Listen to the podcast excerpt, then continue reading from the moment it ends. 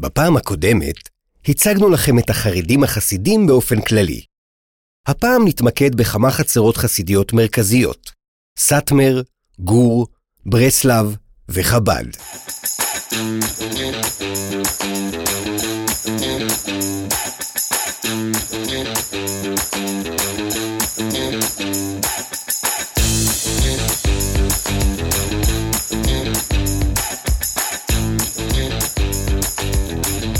היי, אני גדי לוי, ואתם מאזינים לעץ הדעת, הפודקאסט שבו אנחנו מנסים לעודד חשיבה ביקורתית ולענות על שאלות מעניינות, שלרוב אנחנו לא מקבלים עליהן תשובות מספקות. אתם מוזמנים לחפש אותנו בפייסבוק, תחת השם עץ הדעת הפודקאסט, ולשלוח לנו שאלות משלכם.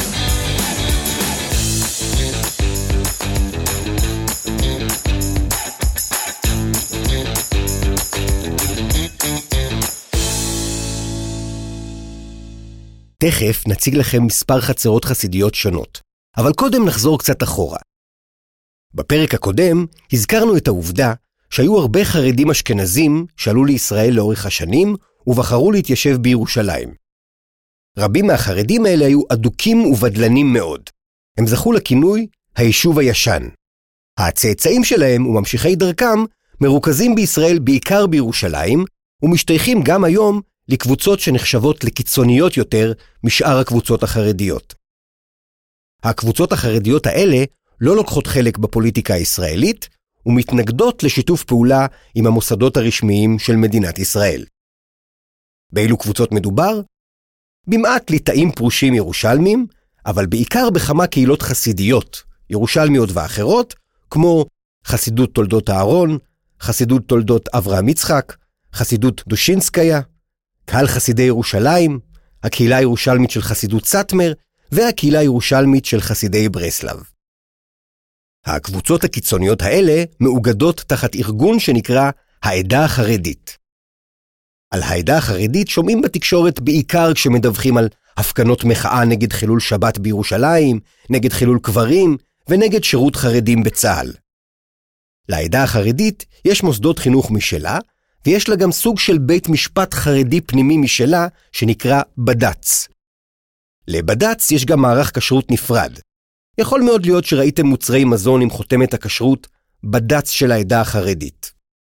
נציין שבניגוד לעדה החרדית, כמעט כל יתר החרדים בישראל לוקחים חלק בפוליטיקה הישראלית ומשתפים פעולה עם המוסדות הרשמיים של המדינה. החרדים הספרדים בישראל מיוצגים פוליטית על ידי מפלגת ש"ס, והחרדים האשכנזים בישראל מיוצגים פוליטית על ידי מפלגת יהדות התורה, שהיא איחוד של שני ארגונים, אגודת ישראל, שמייצג בעיקר חסידים, ודגל התורה, שמייצג בעיקר ליטאים. אבל בואו נחזור לעדה החרדית ירושלים. מדובר בגוף כלכלי נפרד, שמתנגד לשיתוף פעולה עם מדינת ישראל, ולפחות באופן רשמי, לא מתוקצב על ידי המדינה. המוסדות שמשתייכים לעדה החרדית נתמכים על ידי תורמים שונים מהארץ ומחו"ל. אחת החסידויות הגדולות בעולם, שתומכות כלכלית ורעיונית בעדה החרדית, היא חסידות סאטמר. ההקדמה לעדה החרדית תעזור לנו לספר לכם על החסידות המעניינת הזאת.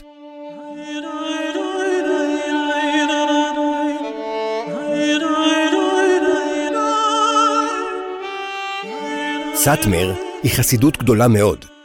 היא נוסדה בתחילת המאה ה-20 על ידי יואליש, האדמו"ר רבי יואל טייטלבוים. בעקבות השואה, בשנת 1945, הוא עבר להתגורר בארצות הברית בוויליאמסבורג. שם חידש סביבו את החצר החסידית. יואליש קבע ששפת החסידות שלו תהיה יידיש. שלח את רוב החסידים שלו לעבוד ולתרום מכספם לצדקה ככל יכולתם, ודאג לשלוח כספים לעדה החרדית שבירושלים. חסידות סאטמר גדלה במהירות, והפכה עם השנים לאחת החסידויות הגדולות בעולם.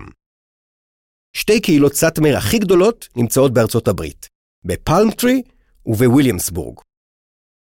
בישראל חסידות סאטמר קטנה יחסית, ומשויכות אליה רק כמה מאות משפחות. אחד המאפיינים הכי מוכרים של חסידות סאטמר הוא המאבק החריף שלה נגד מדינת ישראל ונגד הרעיון הציוני. הספר החשוב של חסידות סאטמר נכתב על ידי יואליש ונקרא ויואל משה. בספר הזה מוצגת תפיסה אנטי-ציונית קיצונית, שמבוססת על שלוש שבועות שמוזכרות בגמרא, בתור השבועות שאלוהים השביע בהן את עם ישראל ואת אומות העולם. האחת, שלא יעלו ישראל בחומה. שלא יעלו לארץ ישראל נגד רצונן של אומות העולם, ושיחכו למשיח שיחזיר אותם לארץ ישראל. השנייה, שלא ימרדו באומות העולם. שלא ימרדו בשלטון של האומות ששולטות בהם. השלישית, שלא ישתעבדו בהן בישראל יותר מדי. שאומות העולם לא ישעבדו את עם ישראל יותר מדי. לשיטתה של חסידות סאטמר, משלוש השבועות האלה נובע שלעם ישראל אין רשות להקים מדינה בארץ ישראל ללא הסכמתם של הערבים, תושבי המקום. מהסיבה הזו, חסידי סאטמר נמנעים בין היתר גם מלבקר בכותל המערבי, שבשליטתה של ישראל.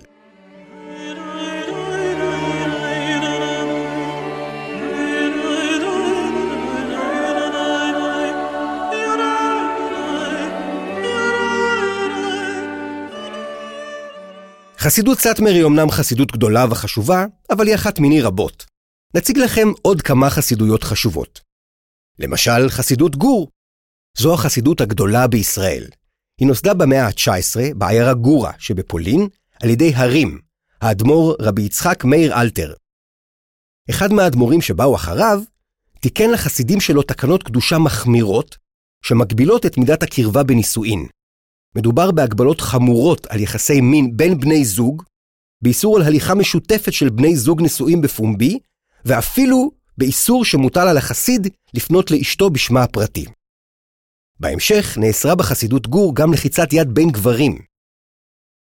התקנות המחמירות האלה, בתחום הקדושה והצניעות, נהוגות בחסידות גור עד היום, אבל בשאר תחומי החיים, חסידות גור נחשבת לחסידות מתונה יחסית.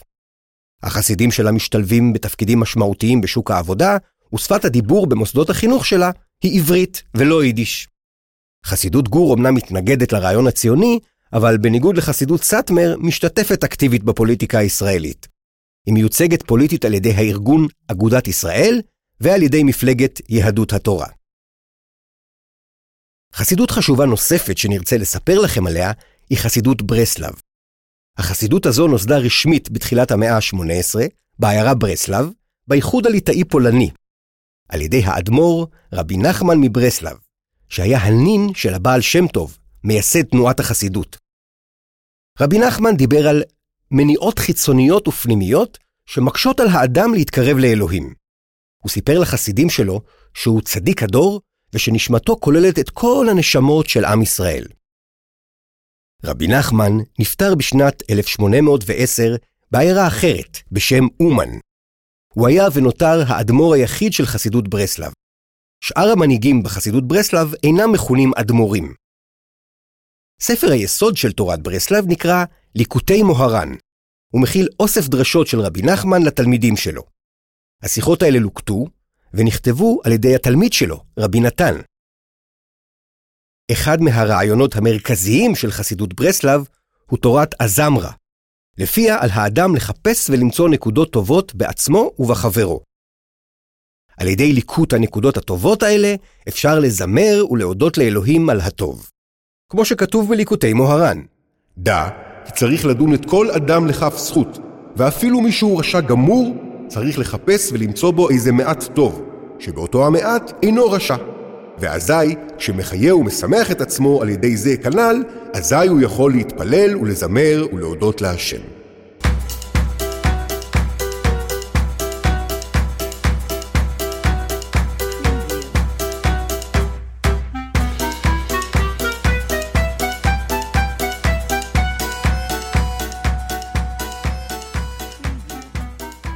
מנהג חשוב של חסידי ברסלב הוא ההתבודדות. יציאה של החסיד מן העיר אל הטבע, לצורך דיבור אל אלוהים בשפה פשוטה, לפעמים תוך כדי פנייה ישירה אליו בשם אבא. בנוסף, כנגד החטא שנחשב חמור ביותר, הוצאת זרע לבטלה, וגם כסגולה כללית, נוהגים חסידי ברסלב לומר בתדירות גבוהה את התיקון הכללי, שהוא אוסף של עשרה מזמורים מספר תהילים. יש מנהג אחד נפוץ ביותר בקרב חסידי ברסלב, הצובר תאוצה גדולה בשנים האחרונות. הוא אף התרחב לעשרות אלפי אנשים, אשכנזים וספרדים, גברים בעיקר, גם כאלה שאינם משתייכים לחסידות ברסלב. לקראת ראש השנה היהודי, לטוס לאומן שבאוקראינה ולפקוד את הקבר של רבי נחמן מברסלב. מקור המנהג הוא בציווי של רבי נחמן על חסידיו, לבוא אליו בראש השנה, ובהבטחה שלו שהוא ישתדל להושיע ולתקן את מי שיעלה לקבר שלו וייתן פרוטה לעני.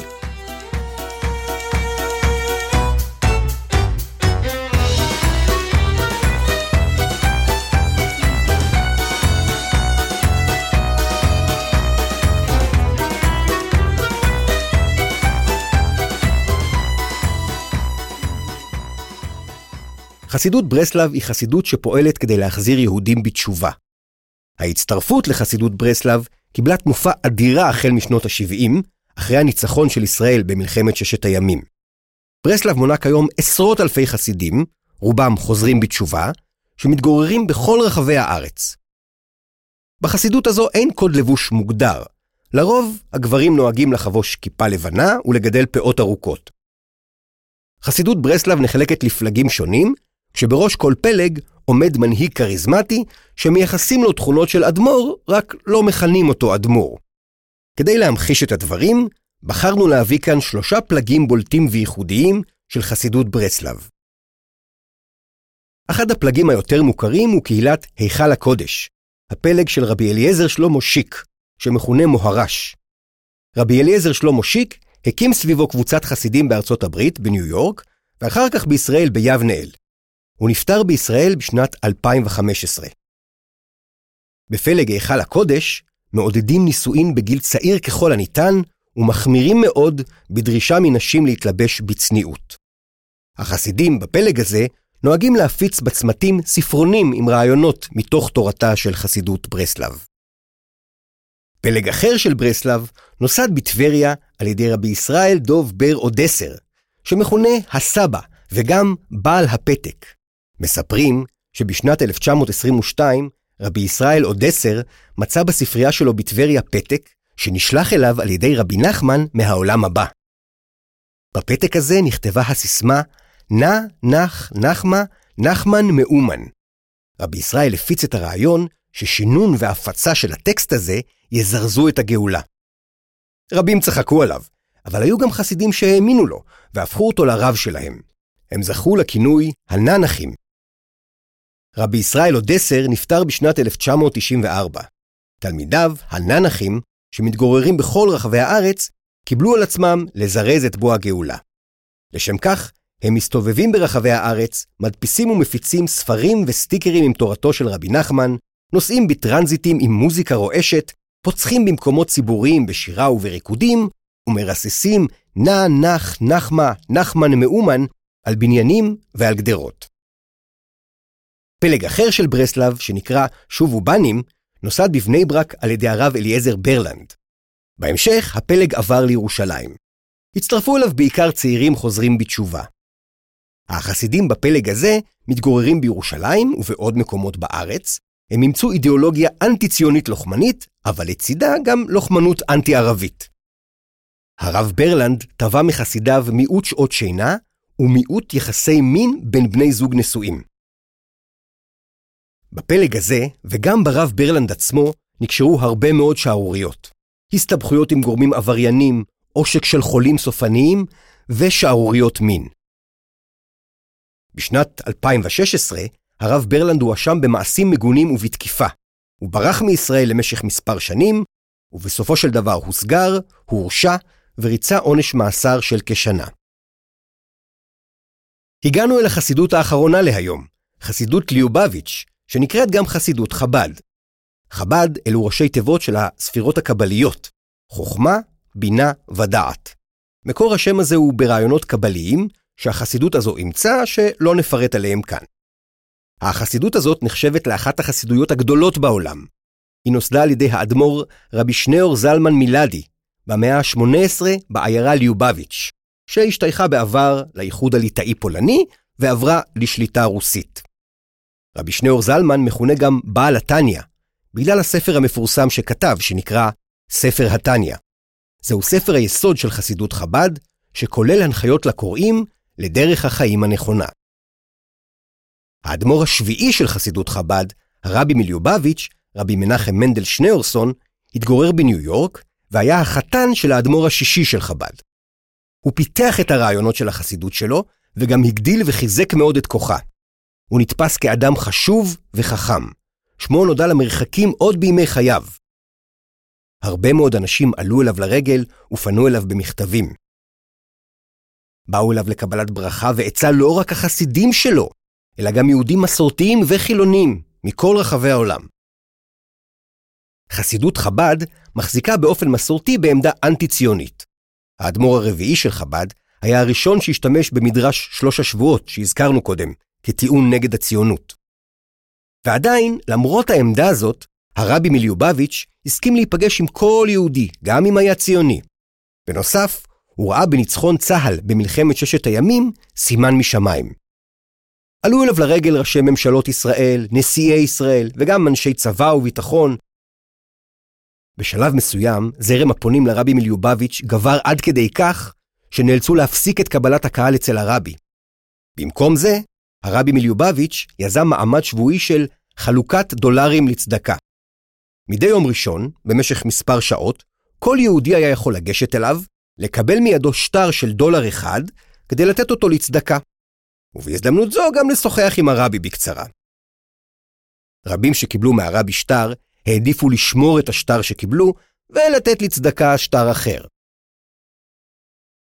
הרבי מליובביץ' נקט בעמדה משיחית ומיסיונרית.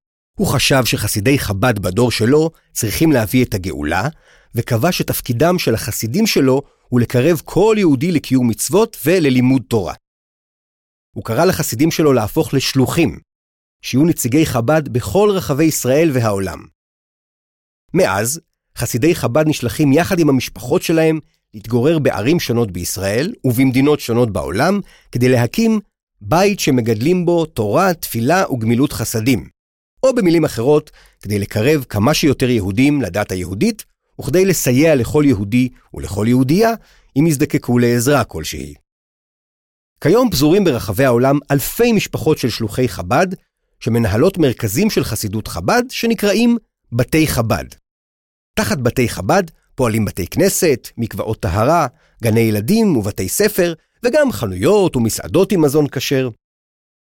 בתי חב"ד מסייעים למטיילים יהודים לא רק בתחומי הדת, אלא גם בשלל מקרי חירום. חלקם מפעילים בתי תמחוי ומחלקים סלי מזון לאוכלוסייה מקומית, גם אם אינה יהודית. נשות חב"ד נוהגות לחלק לנשים בכל הזדמנות נרות להדלקה לפני שבת. הגברים בחב"ד נוהגים להקים במקומות ציבוריים דוכנים להנחת תפילין לגברים. חסידי חב"ד מסייעים לתושבים היהודים שחיים בסביבתם בשלל תחומי הדת היהודית, מפיצים לציבור הרחב עלונים של חב"ד, מעבירים שיעורי יהדות והרצאות שונות. הם מפיצים את הרעיונות של חב"ד גם לחיילים בצבא, לאסירים בכלא, לתלמידים בבתי הספר ולחולים בבתי החולים. הם מארגנים קייטנות, מלמדים בנים לקראת בר המצווה להניח תפילין ולקרוא בתורה, ומעודדים ילדים ללמוד בעל פה 12 ציטוטים נבחרים שבחר הרבי מליובביץ' מתוך טקסטים יהודיים. חסידי חב"ד מארגנים פעילויות ציבוריות סביב חגי ישראל. הם מזמינים יהודים להשתתף בסעודות המוניות בראש השנה, לשמוע תקיעת שופר, להדליק יחד איתם נרות חנוכה במקומות ציבוריים, לקרוא יחד במגילה בפורים, הם מחלקים מצות שמורות לקראת פסח, מזמינים יהודים להשתתף בסעודות המוניות גם בליל הסדר, מארגנים תהלוכות גדולות בל"ג בעומר, קוראים את עשרת הדיברות בשבועות, ועוד ועוד. בעקבות כל הפעילויות האינטנסיביות האלה, במיוחד מאז מלחמת ששת הימים, הרבה מאוד עולים חדשים וגם צברים חילונים חזרו בתשובה והצטרפו לחסידות חב"ד. לאחר מותו של הרבי מליובביץ' לא קם לו ממשיך. גם כי לא היו לו ילדים ולא ממשיכים טבעיים אחרים, וגם כי התפתחה סביבו אמונה שהוא המשיח. האמונה הזאת התגברה גם כשחלה, ועוד יותר אחרי שנפטר. לאחר פטירתו, חסידות חב"ד נחלקה לשני זרמים. בזרם הראשון, הגדול יותר, המשיחיסטי, החסידים מאמינים שהרבי מליובביץ' לא באמת נפטר, אלא רק נעלם, ושתפקידם להכיר בזה, ולפרסם שהרבי מליובביץ' הוא המשיח. הם נוהגים להכריז בכל הזדמנות, יחי אדוננו מורנו ורבנו מלך המשיח לעולם ועד. בזרם האחר, המתון יותר, החסידים מכירים בכך שהרבי נפטר, אבל מאמינים שהוא ישוב ויתגלה כמשיח בבוא הגאולה בתחיית המתים.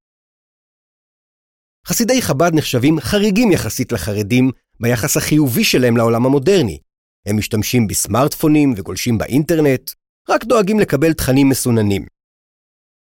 הבנים מסיימים את הלימודים בישיבה, אחר כך נוסעים לשנת הקבוצה, עוד שנת לימודים בארצות הברית, אחר כך הם יוצאים לשליחות קצרה בבית חב"ד כלשהו בעולם, חוזרים ומתחתנים בשידוך. אחר כך הם לומדים בכולל, עוד שנה עד שלוש שנים, ואחרי זה רובם אמנם נמנעים משירות צבאי, אבל יוצאים לעבוד. הבנות מסיימות 12 שנות לימוד בבית הספר, אחר כך חלקן יוצאות לשליחות קצרה בבית חב"ד כלשהו בעולם, ולאחר מכן הן חוזרות ומתחתנות בשידוך. רבות נוהגות להמשיך גם ללימודי חינוך בסמינר, או במכללה של חב"ד. לימודי חינוך הם האפשרות היחידה שניתנת לבנות בחב"ד. חסידי חב"ד מתלבשים בלבוש חרדי מודרני. חלקם לובשים חולצות צבעוניות, המגבעת שלהם בעלת שוליים רחבים, החליפה שלהם קצרה יחסית ודומה לזו של הליטאים. למרות זאת, בניגוד לליטאים, חסידי חב"ד מקפידים שלא להתגלח או לקצץ את הזקן, והציציות של הטלית שלהם משתלשלות אל מחוץ למכנסיים. גם נשות חב"ד, בעלות מראה חיצוני מודרני יחסית. הן מכסות את שיער הראש עם פאה נוכרית, יפה וארוכה, ולובשות בגדים צמודים יחסית, שחורגים לפעמים מכללי הצניעות המקובלים באוכלוסייה החרדית.